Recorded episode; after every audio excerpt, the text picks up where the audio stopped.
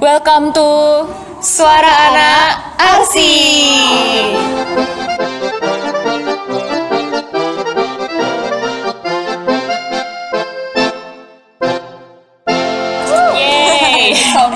Back sound. Oke.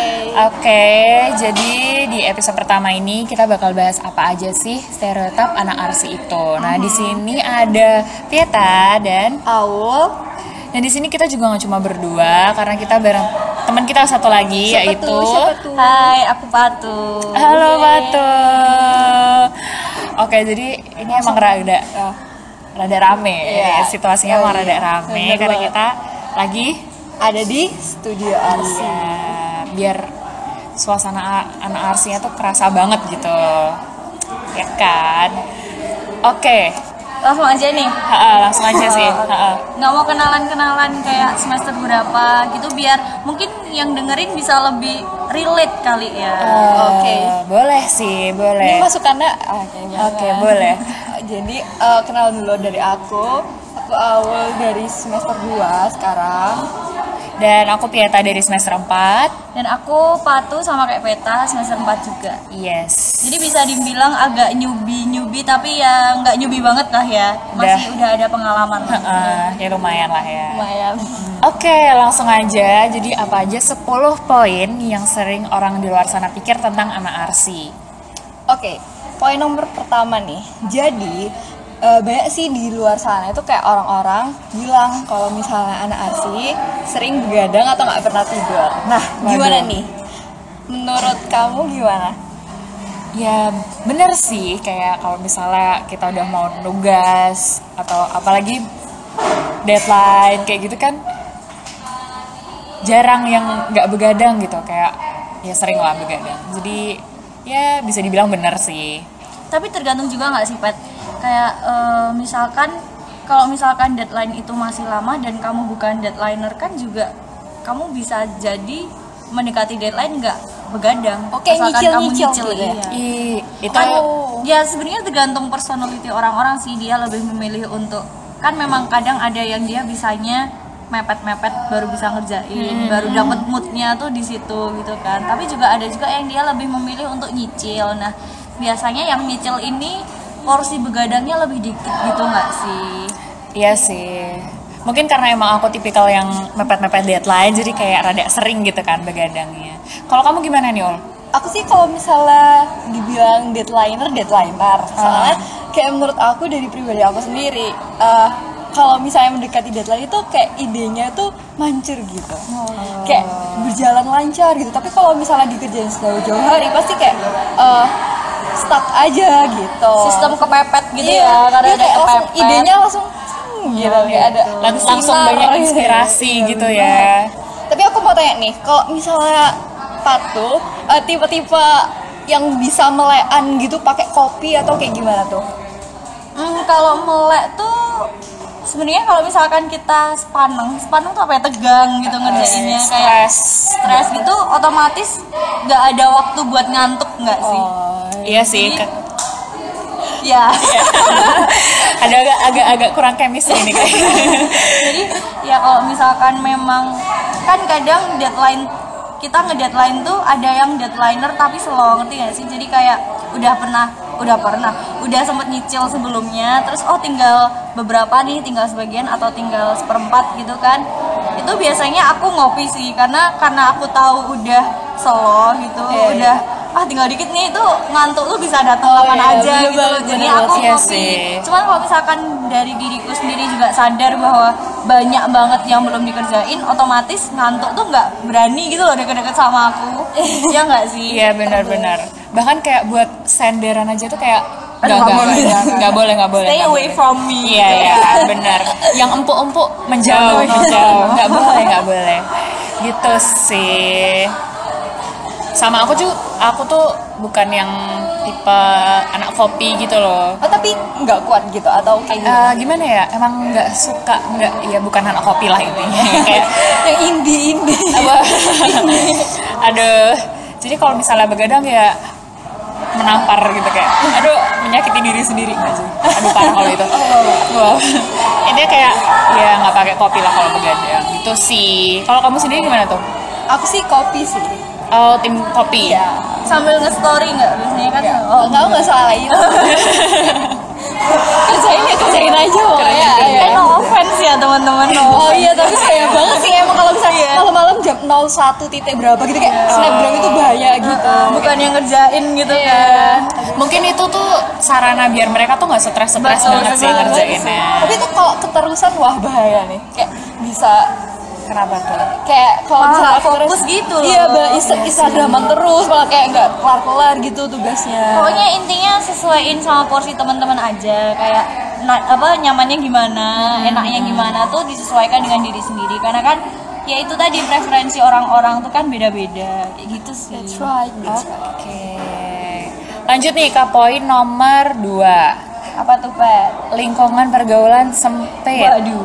Gimana nih maksudnya? Oh, mungkin karena kita banyak tugas. Nah, iya sih itu.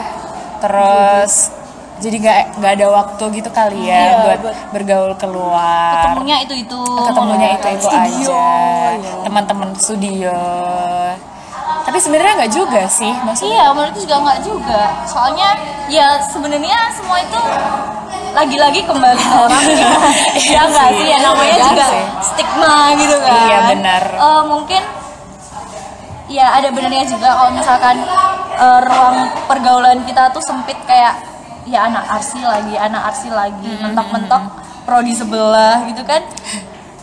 Biasanya seperti itu karena Yes. memang eh, orang-orang melihatnya kan kayak gitu kan dari luar ah ini nggak pernah keluar ya gimana mau keluar ya orang kerjaan kita aja belum selesai ya Benar, gitu. benar sih. cuma nggak menutup kemungkinan juga dan selama ini juga banyak kok teman-teman kita terus kakak-kakak kita yang dia punya banyak kegiatan di luar lebih banyak di luar malah daripada di sini Iya di luar lebih banyak kayak di luar kampus gitu kan Iya, kayak banyak iya, relasi-relasi. Iya betul sekali. Tapi menurutku juga hal-hal kayak gitu tuh nggak cuma di RC nggak sih. Maksudnya di kampus-kampus lain juga pasti ada orang yang lebih memilih bergaul di lingkungannya sendiri, lingkungan Iya. di dalam.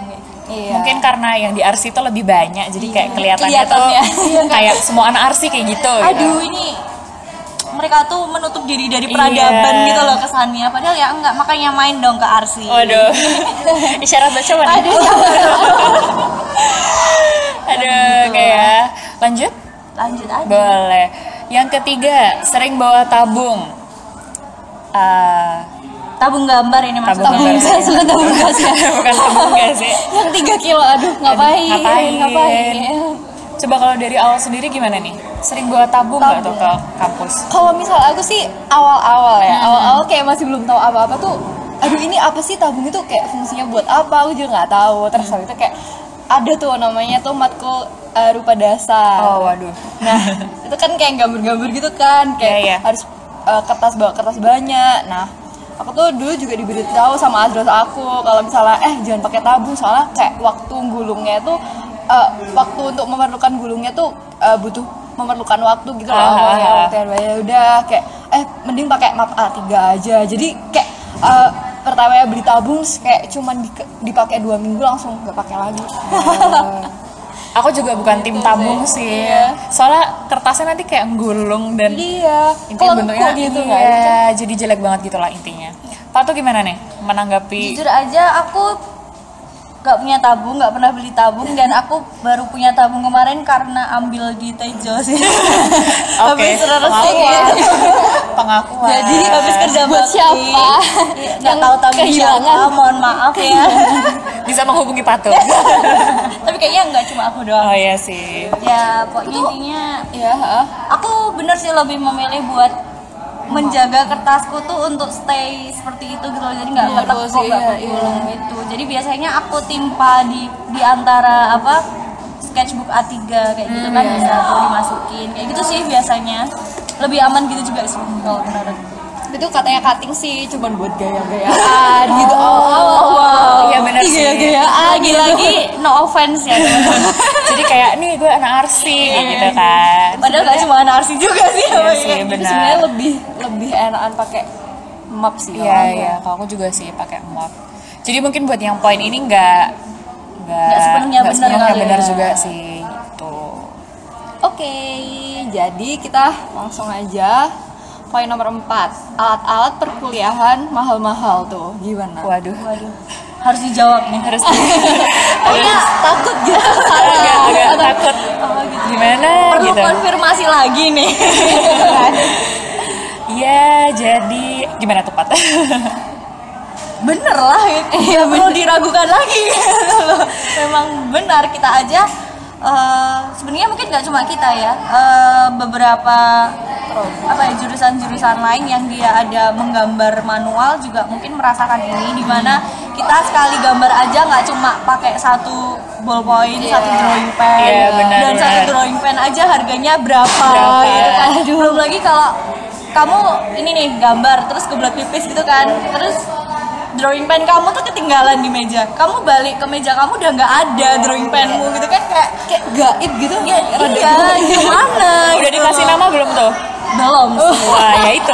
Itu ya. Itu kesalahannya sih itu. ya kayak gitu sih lebih sebenarnya kalau misalkan dibilang mahal itu secara keseluruhan enggak asalkan teman-teman kamu nggak ngambilin aja itu sih Iya benar sih. kita borosnya karena berkali-kali beli aja sih soalnya Iya. kan drawing pen itu awetnya luar luar biasa itu yang Lama awet, banget ya. iya. Kalau nggak ambil diambil. Iya. intinya di situ sih Iya sih. tapi ya nggak cuma di eh, drawing pen juga kita kan juga ada alat-alat lain Penggaris. penggaris aja em, soalnya memang ya tapi eh, kita juga merasakan bedanya eh, penggaris yang berkualitas Sama tinggi yang- dan yang biasa aja Iya. Eh, ya memang apa ya Beda. presisinya iya lebih presisi di mata juga enak kayak gitu ya, kan dipakai juga waduh beda jauh, banget jauh. gitu Beda aku kemarin sih. barusan kemarin banget nih aku beli suatu penggaris nggak boleh sebut nama mereknya. Oh, iya, nggak boleh. itu di Jogja habis dong. Aduh Wah. itu kayak oh apa tuh ya Kayak itu yang penggaris. top tuh top tuh ya top tuh ya, yang bening iya. Oh yang Sama bening, sih. Yang agak ada kotak-kotaknya. udah udah udah, udah. kan nggak merek nih. Iya merah. Ya kita juga mengalami itu sih. Iya. Aduh di Jogja habis. itu aja kayak cuma itu doang gitu kan belum lagi yang eh, buat yang cap air, lainnya, cap, air tuh air. mahal bener, banget. cat aduh, aku air. kayak semester 1 aduh, masa udah ngeluarin semua ini. Aduh, aduh, aku sebenarnya pusing banget kayak takut sebenarnya kayak bilang orang tua, aduh, tapi kayak ya udah lah, Kebutuhan. Terus juga mungkin ini yang kayak eh, mungkin teman-teman dari yang lain tuh agak kurang relate tapi kita bisa merasakan tuh Oh, iya. yang paling sederhana aja kayak ukuran pensil. Kalian kan tahu ya ukuran pensil itu kan beda-beda kan Iya. ya. Ada yang HB, ada yang EE segala macam gitu. Mungkin kalau buat teman-teman cuma ngerasainnya oh ini lebih tebel, oh ini lebih mahal kayak gitu kan daripada yang satunya. Tapi kalau di kita tuh untuk hasil akhir dari kerjaan kita tuh juga kita ngerasain gitu loh. Jadi ya kita tuh toko alat tulis berjalan. Bisa dibilang gitu sih, Iya, iya, benar-benar. bener banget sih. Kayak di Benar. tapak itu ada gitu loh. Eh, apa ini tempat pensil nggak tahu ya. Itu tempat pensil atau apa? Kok gede banget orang Surabaya? kan? Isinya gunting, Iya, cutter, isi cutter. isi cutter, Isi cutter, cutter aja ada yang gede, ada yang kecil Nah, masking tape. masking tape, lem. Aduh. Coba sebutkan lem Dan apa aja lem kan itu ada bermacam-macam, ada lem kertas, lem Itu, kayu, mm, itu lem itu, yang dan lem itu. yang bikin tangan aduh. yang bikin tangan panas ya kan ya gitu sih jadi ya ya bisa dibilang kalau buat poin nomor 4 ini benar-benar benar. ya Benar sih. oh sama ini nih kalau udah semester atas kan kadang kita juga butuh Apa tuh apa tuh? laptop Oh. Ini yang Iya, sering sih. Gunjingan ya, Iya. pembicaraan bukan gunjingan, jangan pembicaraan. di luar. pembicaraan kayak lihat apalagi kalau mbak-mbak kan pakai laptop gede kayak gitu kan ada nggak umum kan ya Betul, sekali. Terus diliatin, gitu Diliatin. kan. Akhirnya nanya, terus minta nomor HP. Wow, Eh. jangan. pernah nih kayak pengalaman ya aduh oke aduh aduh ya itu sih. Ya gimana ya kebutuhan juga sih. Kebutuhan, iya kita memang karena ketika kita mendesain dengan di- bla bla dengan digital itu Iya. kan eh, berat ya lebih berat Iya, aplikasinya softwarenya tuh lebih berat. Pasti laptopnya juga butuh spek yang lebih tinggi. Iya. tapi ya kalau misalkan dibilang harus Harus- harus, yang ga- apa laptop gaming itu juga enggak Enggak juga, juga. gitu. Orang aku juga aku dan beberapa teman-temanku ketika cewek nih ya cewek posisinya ketika beli laptop gaming gitu juga sama masnya loh mbaknya ngapain kalau cuma buat RC kok pakai laptop gaming Sampai digituin. Iya. gitu ya. kan mbaknya ini ya punya akun YouTube lah sorry mas ini buat kuliah jadi ya masih sebenarnya kalau misal nggak ada salahnya juga beli yang buat gaming cuman bukan mengharuskan juga kita Iya benar benar Oh, benar. buat membeli yang gaming yang penting speknya memadai itu udah cukup sih tapi Iya. tapi kan aku masih semester 2 nih mbak jadi Iya. kan kayak belum tahu nih emang kayak buat apa aja sih laptop itu kayak ngapain Waduh tugasnya banyak sekali. Banyak Jadi itu sekali. kalau digitalisasi ya memang dari awal dari sejak denah sampai itu dibikin 3D Ah, Sampai di ini poster juga. iya. Render segala macam. Bikin poster kan juga digital tuh. Misal Photoshop, Corel.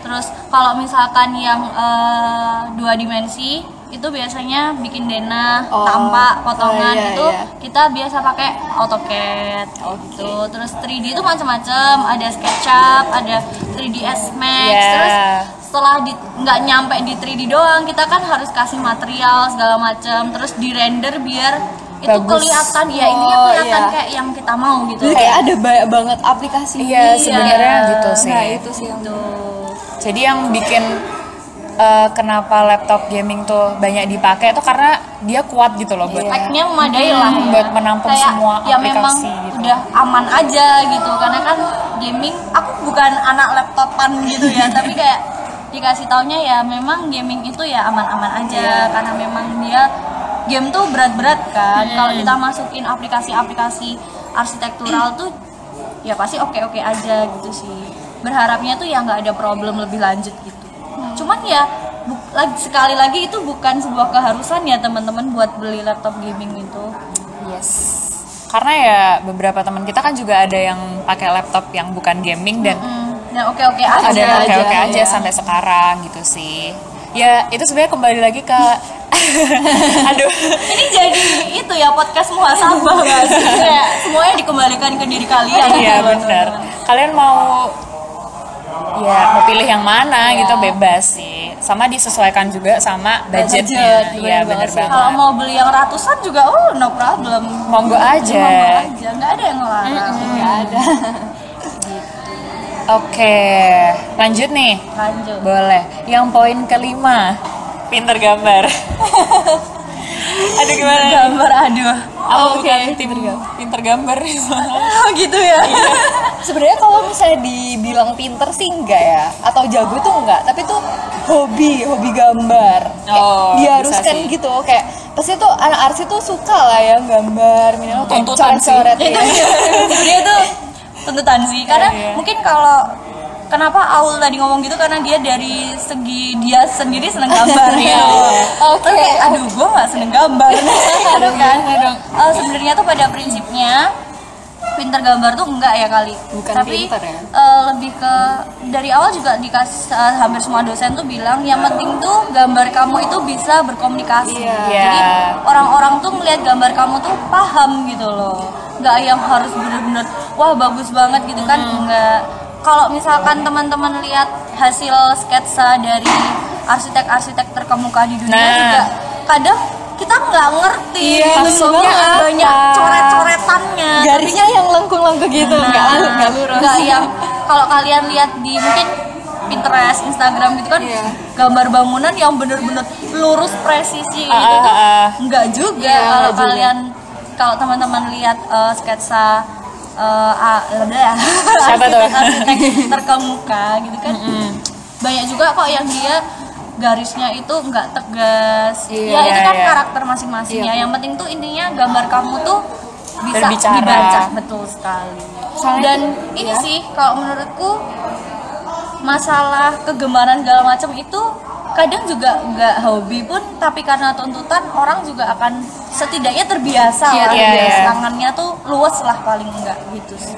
Kalau kamu menurut kamu gimana Eh, si- eh, dosen aku tuh kayak pernah bilang gitu loh kalau misalnya arsitek itu emang uh, respon yang paling cepat itu pakai tangan Iya sih. pakai tangan jadi dari ide langsung Langsung. langsung gitu Coret langsung. idenya nggak blas gitu Nggak keburu hilang. blas ya nggak keburu hilang jadi kayak langsung gambar gitu Iya, iya. Kayaknya emang uh, kita tuh dituntut buat uh, memunculkan ide yang bener-bener out of the box, kayak diferensiasi sama ide-ide yang lainnya, kayak gitu. Iya sih. Ya, tapi ya memang benar sih gimana pun juga tangan akan jauh lebih tepat daripada ya gimana ya Apa pun tapi ya. juga nggak menyalahkan buat teman-teman yang lebih suka digital gitu loh cuma Iya. Kita realistis aja digital itu memang lebih lama buat eh, apa ya buat finishing buat kita coret-coret di digital di digital itu kan lebih lama daripada Iya. kayak kita langsung di kertas Iya. kayak gitu Itu sih. kalau peta gimana ya gimana ya karena aku kan dari awal kayak nggak yang segitu sukanya gitu kan sama gambar jadi karena masuk arsi dan terkesan jadi kayak tuntutan ya kayak harus dibiasain lah dan bisa kelihatan gitu kalau misalnya di aku sendiri sih kayak di awal tuh gambar aku ya gitulah kayak Iya. ada ini gambar apa ya better Kayak lah signifikan Iya, gitu iya, ya, bener gitu. sih jadi karena kebiasaan gambar jadi ya mendingan lah bisa karena biasa tuh Iya. beneran Oh, ada di iya asli iya ya, bener-bener kayak gitu. Dari yang noob jadi Iya. Oh kita sama. juga ini sih aku nggak tahu ya kalau di eh, RC lain gimana tapi kalau di RC kita kalau di RC kita tuh eh, memang ada satu mata kuliah yang dia tuh melatih kita buat membiasakan diri buat menggambar secara arsitektural gitu. Ya menggambar ya pokoknya intinya gambar arsitektural dengan gambar seni itu beda Iya, ya beda sih? banget. beda banget kan? Iya. bahkan tidak menutup kemungkinan teman-teman yang bisa pinter mahir gambar seni itu nggak bi apa ya belum tentu bisa gitu loh buat menggambar arsitektural dengan baik gitu sih. Iya intinya semua dari nol lah ya kita Iya, belajar dari sama-sama sih ya, Iya. sama-sama.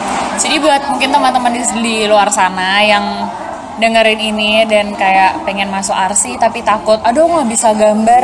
Sebenarnya santai aja karena lama kelamaan tuh bisa lah bisa, bisa Ya, pasti bisa. pasti bisa udah yakin aja yang penting niat lah ya Hmm, dan yes. niat itu dibawa sampai akhir yang bener Iya. banget Oke, lanjut. poin keenam nih Sering survei. Eh, yes. Eh kalau kita belum sih belum sesering kita, itu sih iya, kita belum sesering itu tapi kalau misalkan kita melihat dari project orang-orang survei itu sangat penting Iya, dan benar. pasti sangat sering Emang emang survei tuh gimana aja sih kayak ngapain aja gitu. jadi itu dari proses mendesainnya ya kita tuh se- kalau mau membangun sebuah bangunan Iya. membangun sebuah bangunan Mendesain. mendesain sebuah Nah. bangunan Iya. kita kan eh, memperhatikan faktor eksternal juga tuh mulai dari cahaya matahari Oh. terus juga eh, ya pokoknya fisik bangunan lah ya tanah terus hubungan dengan bangunan sekitarnya tapi juga selain itu kita eh, mempertimbangkan faktor-faktor yang bukan fisik faktor-faktor misal masyarakat kebisingan Iya kebisingan terus eh, masyarakat sekitar situ tuh kebiasaannya ngapain sih? Aktivitasnya gitu loh. Aktivitas. Emang kalau misalnya nggak survei emang nggak bisa gitu Iya. kan kita gitu. justru nggak justru kalau misal yang masih bisa kita kan survei itu ada dua ya, ada yang langsung eh dua apa berapa ya? pokoknya ada banyak lah ya banyak jenisnya tapi yang jelas itu kan ada yang survei langsung dan kita juga bisa survei itu dari Literatur. laptop, literatur gitu juga bisa Oh, laptop kan iya. dari Google Maps nih segala Iya, macam iya. itu bisa tapi yang kayak misalkan tadi yang dibilang aktivitas masyarakat sekitar kayak gitu kan kita nggak bisa lihat dari Google online Maps. kita nggak bisa secara laptoping gitu kan nggak bisa kita harus eh, datang ke tempatnya kita benar-benar merasakan vibe-nya tuh apa sih sebenarnya di Iya. situ gitu kan kuncinya jadi arsitek tuh di situ Tapi kayak survei bisa sering-sering dapat ide gitu nggak sih? Betul bisa sekali. bisa jadi kayak eh, semakin kamu ntar ke semester yang tingkat lanjut kan Iya. sesuatu yang kamu desain tuh berdasarkan site yang nyata gitu iya, loh iya. jadi kalau misalnya mungkin semester 1, semester 2 kan belum ditentuin kan kamu bangun bangun bangunan itu Iya. bangunan desain bangunan itu tuh di mana iya benar. nah karena site-nya nyata itu otomatis kan uh, ada masalah-masalah juga yang bakal mempengaruhi desain kamu Oh, iya. gitu kayak misalnya tadi kebiasaan terus cahaya iklim kayak gitu-gitu dan itu juga fungsi sebenarnya dari arsitek gitu loh. Jadi gimana caranya arsitek tuh dalam membangun tuh punya apa ya bangunan dia tuh desain dia mempunyai karakteristik. Jadi iya dari penyelesaian itu diolah menjadi desain dia bangunan dia dan bangunan itu tuh mempunyai karakteristik. Karena gini loh bahkan walaupun eh, rumahnya itu sebelahan dengan arsitek yang sama pasti penyelesaiannya berbeda. Dan Benar, itu benar. kan menjadi karakteristik daripada eh, bangunan itu sendiri gimana bangunan itu bisa menyelesaikan permasalahan. Jadi nggak kayak kamu tuh bikin apa ya perumnas kayak satu blok tuh sama semua gitu Iya, kan iya. enggak gitu loh Iya, iya. kayak mungkin gampangnya aja kalau kamu lihat tuh kafe-kafe walaupun deketan walaupun sebelahan gitu kan pasti dia memberikan sesuatu yang Iya, berbeda heeh. Iya. Kayak satu blok itu kayak beda-beda gitu loh. Nah. Kayak desainnya, terus Nah. apa temanya tuh beda-beda. Nah, kayak gitu. Sebenarnya kalau misalkan ngomongin survei itu nggak selesai ya karena kayak banyak banget Banyak komponennya tuh Jadi banyak banget. kepo gitu. Ya pokoknya intinya gitulah. Intinya survei itu penting dan semakin sering dilakukan tuh akan memberikan apa ya? Intinya desainmu itu well managed. Dia tuh menyelesaikan permasalahan-permasalahan itu lebih detail gitu ya. sama juga kan balik ke tujuan kamu desain bangunan tuh buat apa gitu nah itu dengan survei itu kan bisa tambah lah informasinya biar kamu tuh desainnya lebih bagus. Ya gitulah ya intinya gitu. Kalau pengen tahu survei lebih lanjut kayak apa masuk arsi. Iya, bener banget. dicobain sendiri. Cobain dulu lah ya. cobain sendiri. dulu. Kayak kayaknya tuh seru gitu jalan-jalan. Gitu. waduh Ah, ya ada serunya sih. Ada serunya sih. Ada seru- benernya. ada benernya. Cuman ya lagi-lagi tergantung. Ini ada aduh muhasabah beneran ya kayak. Waduh. Lanjut aja. Lanjut aja deh. Oke. lebih banyak cowoknya poin ketujuh nih. Eh, kalau di kampus kita sendiri sebenarnya malah lebih banyak ceweknya sih iya kan? Kalau angkatanku sih 50-50 sih. oh 50 Betul. angkatan berapa ya? Angkatan kita tuh 60-40 nggak sih? Ya sekitar segitu. Ya kalau di total ya kayak lebih banyak ceweknya gitu sih. Cuma mungkin buat poin yang ini tuh lebih banyak gimana ya? Lebih banyak benernya di kampus lain sih mungkin. Sama di wilayah lain juga. Tapi juga nggak menutup kemungkinan arsi di tempat lain juga mungkin juga kayak gitu. Iya, gitu bisa loh. jadi Mungkin sih. ya ada benernya tapi nggak bisa menjadi sebuah generalisasi gitu loh terus yang iya, iya. semua kampus arsi itu lebih banyak cowoknya gitu nggak juga Nggak juga Atau gara-gara masuk ke teknik ya? Atau Ah, gimana bisa nih? mungkin jadi. sih Jadi. tapi, Tapi- tapi kalau teknik lain memang iya sih Iya, kebanyakan iya, banyak cowoknya Uh, bahkan kayak dari 120 tuh 115 cowok gitu juga ada ada ada ada gitu tapi kita juga malah di kalau misalnya di kampus kita nih Iya. kita malah kayak dianggap teknik tapi bukan teknik. Iya itu. Karena apa ya? Karena apa ya? Kita tuh kayak beda sendiri. Beda sih. sendiri, kita nggak bisa apa ya kurikulum kita aja beda. Gitu yang lainnya. Ya ini ya beda lah. Ya ya kita mem- mungkin membenarkan di poin itu sih. Teknik tapi bukan teknik arsitektur di kita Tapi Uh-uh. tapi kalau misalnya ngomong tentang cewek-cewek arsi tuh menurut aku tuh kayak cewek arsi tuh kayak kuat-kuat gitu. Nah, tapi iya sih Iya sih kayak yang ya. yang nukang terus yang tangan itu kayak kalau misalnya anak arsi benar-benar kena cutter itu kayak berdarah itu ya anak arsi gitu loh. Iya. itu kalau misalnya teknik-teknik lain ya menurut aku tuh kayak sakitnya tuh enggak ya apa ya? Ya, kayak, kayak dia tuh nggak berhubungan secara benda-benda yang nggak tahu juga sih Nggak tahu juga, iya sih nggak tahu juga sih. Cuman tapi iya sih banyak teman-teman aku yang bilang kalau eh, cewek arsi khususnya di sini tuh lebih kayak apa ya independen gitu loh. sama lebih kayak punya karakter lah. Mungkin karena kita agak nyenggol-nyenggol seni kali ya. Jadi kayak dalam hal berpakaian dalam hal kita beneran lebih free gitu Iya, loh. iya, ya bisa dilihat lah ya. Main-main lah ya. Main-main lah ya. Tapi, tapi eh, temen aku pernah kayak gini. Kenapa tuh? Kamu mau ke mana terus aku bilang mau ngapus? Terus kayak bingung Kaget loh, gitu. kayak pakaian aku yang kayak gitu. Emang boleh? Boleh dong. Boleh. Nah jadi itu sih. Ya mungkin itu tapi juga juga nggak bisa disamain juga sih. Mungkin di tempat lain beda tapi ya budaya kita di sini iya kayak gitu. seperti ini. Cuman kalau misalkan masalah nukang segala macam ya itu benar. Karena dari individu kita sendiri bikin market pun masa kamu bikin market digigitin biar putus gitu kan Karena nggak- nggak kan, mungkin ya. ya. masih pakai cutter gitu Selesainya ya. kapan tuh kalau pakai gigi? Dan agak jijik juga kan Iya sih. jadi kayak cutter tuh udah kayak perpanjangan tangan gitu Udah best friend banget kita. Ya gitu terus nih lanjut poin ke delapan banyak tugas Eh, sebelumnya. Ah, semua itu pasti banyak tugas bener. Betul kan? Di mana pun kalian berada mungkin buat uh, teman-teman yang masih SMA gitu ya kayak yang bingung aduh aku pengen masuk sini aku pengen masuk sini tapi katanya tugasnya banyak Iya. tugasnya banyak. Semua itu banyak tugasnya teman-teman. Mungkin yang kalian lihat itu bukannya judging tapi biasanya mereka memang bukan tipe orang yang langsung selesai semua jadi kayak menumpuk menumpuk menumpuk Bisa jadi deadline-an. Deadline. kayak siapa kamu Kayak jadi kesannya Kayak aku. kesannya tuh orang-orang melihatnya dia jauh lebih banyak daripada yang lainnya. iya. padahal di mana pun kamu berada tuh tugasnya pasti banyak. Iya iya. Tinggal gimana kamu menyelesaikan itu aja. Tapi mungkin kalau menurutku tuh tugasnya anak arsi itu bener-bener yang memerlukan waktu yang banyak gitu. Menurut sih.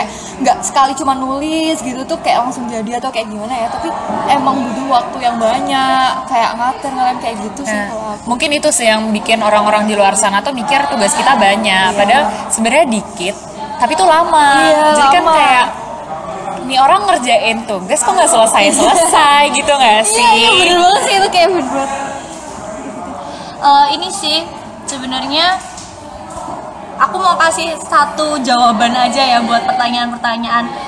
Emang kuliah di ARSI itu susah ya lalala gini aja deh waktu tahun berapa ya tahun kemarin itu 2019 Iya, 2019 itu ada sebuah survei dunia yang Oh, dia menghasilkan sebuah Eh, Hasil sebuah iya, nominasi nominasi, Nah, nominasi gitu. Jadi eh, program studi mana sih yang dia paling susah? Susahnya paling tuh susah. bisa Oh. membuat depresi, bisa membuat eh, apa namanya? Ya intinya nggak tahan karena dapetin gelarnya juga susah dapetin gitu ya. gelar segala macam terus juga eh, ya pokoknya intinya semua semuanya dari kamu awal sampai keluar tuh susah semua gitu. Gitu.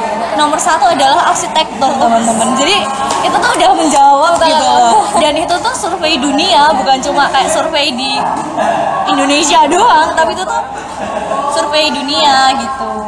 bahkan itu sebut aja ya itu sumbernya tuh dari Oxford University Ah, ah, ah, ah.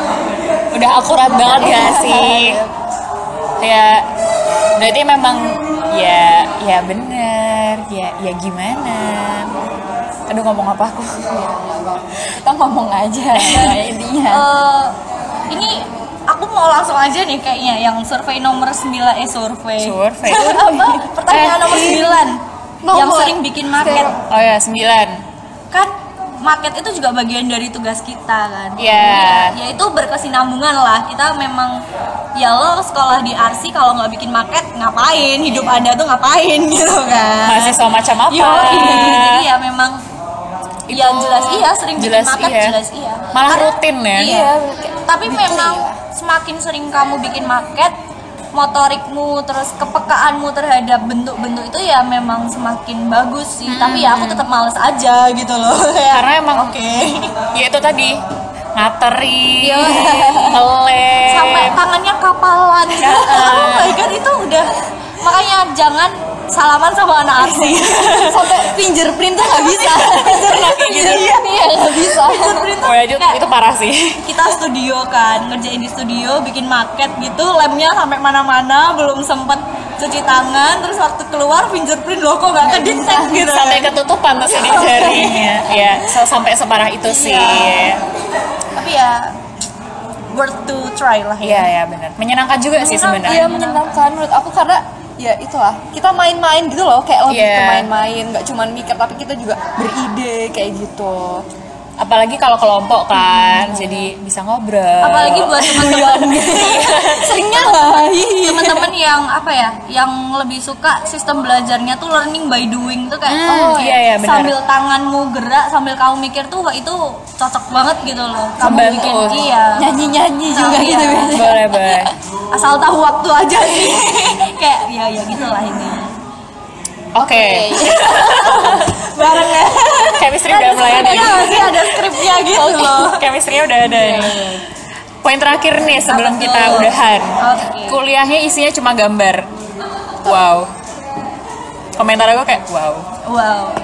Karena ya nggak juga kita banyak belajar uh, hal-hal lain gitu loh kayak tentang hitungan. Jadi uh, buat yang di luar sana yang mungkin pendengar non arsi kita juga belajar hitung-hitungan gitu loh. Ya meskipun nggak sebanyak itu tapi ya tetap diajarin lah ya gitu. Terus kita juga belajar teori-teori.